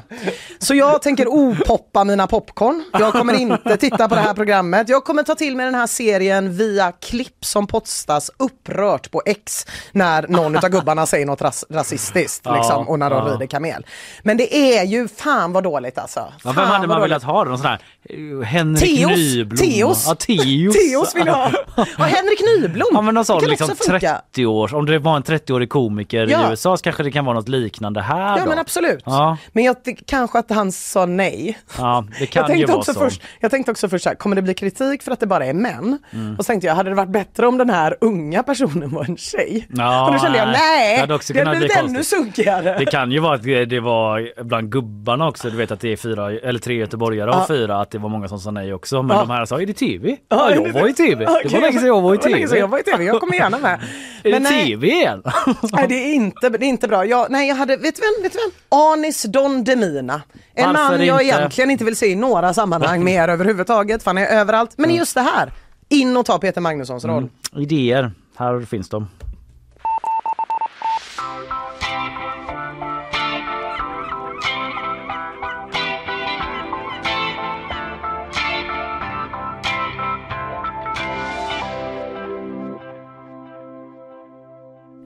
Ina, nu är Ja. det dags för en sån här nyhet. Djurens djurnyheter Jag tror att jag vet det Det är djurnyheter Djurens djurnyheter Vad är det det heter? Just det, djurnyheter Ratara. Och äntligen! Det blir djurnyheter. Vi ska till Spanien där septemberhettan har lett till en våg av fiskattacker. Nej. Mm, tråkigt menar experter, menar inte tråkigt, de menar att det sker fiskattacker. Inte så boring. Nästa nyhet. Ja, exakt. Vad händer i politiken egentligen? Det är ju politisk kris i Spanien också. Eh, det är ju den där, eh, vad heter han? Han från Katalonien är ju någon sorts jävla vågmästare där nu. Just det. Det är en annan nyhet eh, som vi inte tar för nu är det djurnyheter Det är och det är fiskar. Alltså 15 turister söker dagligen vård på Alicantes stränder, läser jag i Aftonbladet. Efter att de blivit offer för en hungrig abborrsläkting. Hur många var det som sökte vård sa du? 15 turister dagligen. Det är så himla många. Mm. Vad är du inne för då? Ja, det är de här jävla abborrarna. Du med? Ja. Hela den här avdelningen. jag med! Ich, också, auch. också. Eller vad man nu säger på tyska. 15 personer om dagen. Ja, det- Sluta bada. Det är, de är extra många och simmar inte bort från folk, säger marinforskaren Alfonso Ramos och talar då om fiskarna, inte turisterna. Ja. Eh, Det är nämligen så att eh, det är väldigt varmt. Har varit i, och är i eh, Spanien där septemberhettan gör att eh, de här fiskarna eh, typ agerar annorlunda. De, är, de heter eh, egentligen eh, någonting annat men de är besläktade då med abborren. En liten grå fisk med svart eh, prick beskrivs de som. Så ser de ut. Havsrudefiskar. Okej. De är ungefär 30 centimeter långa. Ja, stora. Blö. 30 cm, det är ju klassiska A4-papper-längden. Äckligt långa. Så långa är de och sägs, det här, nu blir det mer äckligt då. Ja okej. Eh, och se, ja, det är någonting äckligt med det. De sägs dras till födelsemärken, vårtor Ja. och små sår på huden. Speciellt hos gamla människor. Det är så jävla... Vad är det? Oh vilket gott sår! Hur gammal är du sa du? Ja ja, 80. Lagrat Riktigt sånt sånt. jävla Lagrat födelsemärke. Det är en 82 här. Kom gubbar! Usch. Ja, och då drabbas man ju hårt av det då, särskilt gamla. Mm. Eh, det har ju varit temperaturer mellan 29 och 30 grader eh, eh, rapporterar Aftonbladet här och det påverkar ju ekosystemet när det blir så varmare än vanligt. Och eh, det är liksom så här, det står att eh, värmen påverkar metabolismen, alltså matsmältningen är väl det ett fint ord för. Just det. Eh, och då behöver de mer mat. Ja. De blir mer på jakt och då ger de sig in då. Tidigare så har de ju då eh, varit lite räddare. Ja. Men likt eh, stadens duvor I guess så vänjer de Likt sig. eh, späckhuggarna, likt resten av havet som håller på att attackera Ja, oss. It's closing in hur? oss. Eh, Ja. Naturen eh, tappar respekten för oss människor och börjar äta våra födelsemärken. Mm. Ja, det är dit, så Det är långt har vi det gått. nu. Ja, det är där vi är nu. eh, De äter våra Ja, födelsemärken. Och vi får väl bara hoppas att inte duvorna börjar med samma sak. Jaha. eh, För då Ja då vet jag inte vad jag gör. Eh, men det är också en fisk som är van att bli matad står det. Det kan vara så att extra många eh, Det kan vara så att de är extra många och simmar inte bort från folk då. Därför pickar de på sår. Eh, det framgår inte riktigt varför de är vana att bli matade. Jag vet Nej. inte om de liksom Är extra gulliga eller liksom varför skulle de... Men de kanske, det kanske finns eh, odlingar. Så kan det vara. Så kan det vara. Ja. Så kan det vara. Eh, de har i alla fall en rekommendation där då. Eh, Ge fan i att bada. Eh, om du är med, gammal. med skinande smycken. Aha, för det Eh, gillar de också. Ja det gillar de. Det ser väl ut som ett jättestort fiskedrag Ja, då ja, ja, ja, ja. Plus att det är här, ett fiskedrag med, Med- en jättegod precis. sår på. Sl- ta bort den där ringen från ditt födelsemärke. Den där broschen som du har satt på din utväxt. Bort med den Gun-Britt.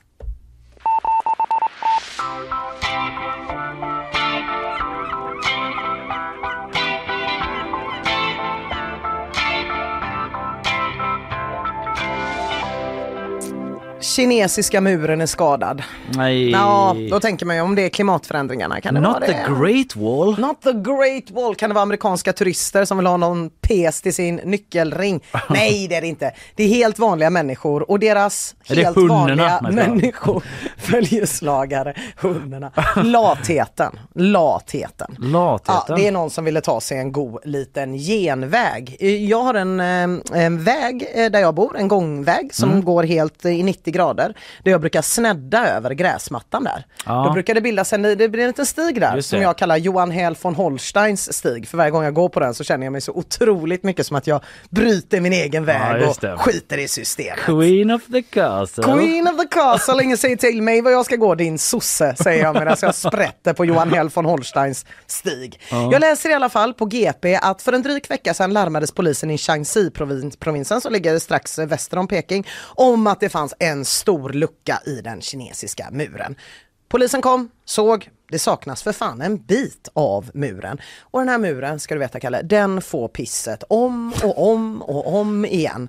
Världens längsta byggnadsverk är det. Man började bygga det 300 före Kristus för att hindra anfall mot Kina. Den går genom 15 provinser. Och det gör ju att man kanske tänker så här, shit vad sjukt. Men det man måste komma ihåg är att den är inte så mäktig som den är på bilderna exakt överallt. Okej. Det är inte överallt det går att promenera. Vissa delar av muren ser mest ut som typ sand. Jaha, Ja. var det som en vall typ? Ja, typ. Det är ungefär det som finns kvar. Några delar byggdes ursprungligen med vass. Jaha. Så att det är där Någon har någonstans. knutit ett vi- Ja, men precis. Det är liksom inte så och ställa. riktigt, riktigt så, så snyggt hela vägen som man tror. Den går liksom genom ödeskogar, den går genom byar, byar, Mm. bönder har varit här och naggat sten eh, för att använda till att bygga sitt hus. Det är ändå fortfarande coolt med kinesiska muren. Att Det den är, är så lång. Den är funnits så 2000 länge. mil. Den går genom skogen. Ja, nej men det är mäktigt, det är Mm. mäktigt. Men, men det är inte jättekonstigt att den ba, in, inte behandlas med den enorma respekt man förväntar sig på varje liten centimeter av de här 2000 milarna. Men jag tycker ändå det här var lite slappt det som hände nu. Och det Ja. fick mig en tankeställare att jag kanske ska sluta ta Johan Stell von Holsteins stig. Mm. För det var en 38-årig man och en 55-årig kvinna, eh, 55-årig kvinna som båda jobbar på ett bygge på ena sidan muren. Mm. Men så var de ofta på den andra sidan uppenbarligen. Det, det framgick inte varför. Kanske låg en jävla god lunchställe där. De Ja. kanske bodde där, jag vet inte. Så de gjorde en egen väg genom muren med en grävskopa. Så, och det här var ju också en del... från bygget typ. Det vet vi inte men kanske. Liksom. Antagligen Ja, tog de inte dit en egen för detta. Och det här då är ju på den delen av muren som du förknippar med kinesiska muren som är byggd under Ming-dynastin, den lite mäktigare delen. ja. Så den bröt de ner. Ja. Det är faktiskt eh, respektlöst. Det är jag. faktiskt lite väl Johan Stell von Holstein skulle jag vilja säga. Eh, och Men de har gripits nu, vi får se vad konsekvenserna blir. Kina har sagt länge att det här med muren, det ska de verkligen ta på allvar. Men Mm. eh, jag vet inte riktigt. Men jag, jag, jag är ändå lite imponerad över att man känner och, Ah. å andra sidan, Det är verkligen så här, they don't give a fuck. men det är också helt sjukt att gå runt en mur Ah. om den är 2000 mil. Precis, om det är den längsta muren som finns i hela världen. Ja. Som bara, vi, ser, vi går och lunchar nu, vi ses om två veckor. Ja, nej men precis. Men då kanske man får med sig lunchlåda. Jag vet inte, vem är jag att läxa upp kinesiska byggnadsarbetare? De lever ett säkert mycket, mycket svårt liv och det lär inte bli lättare nu. Och nu börjar jag känna mig väldigt besläktad med dem, för jag förstår vad en god jävla genväg innebär.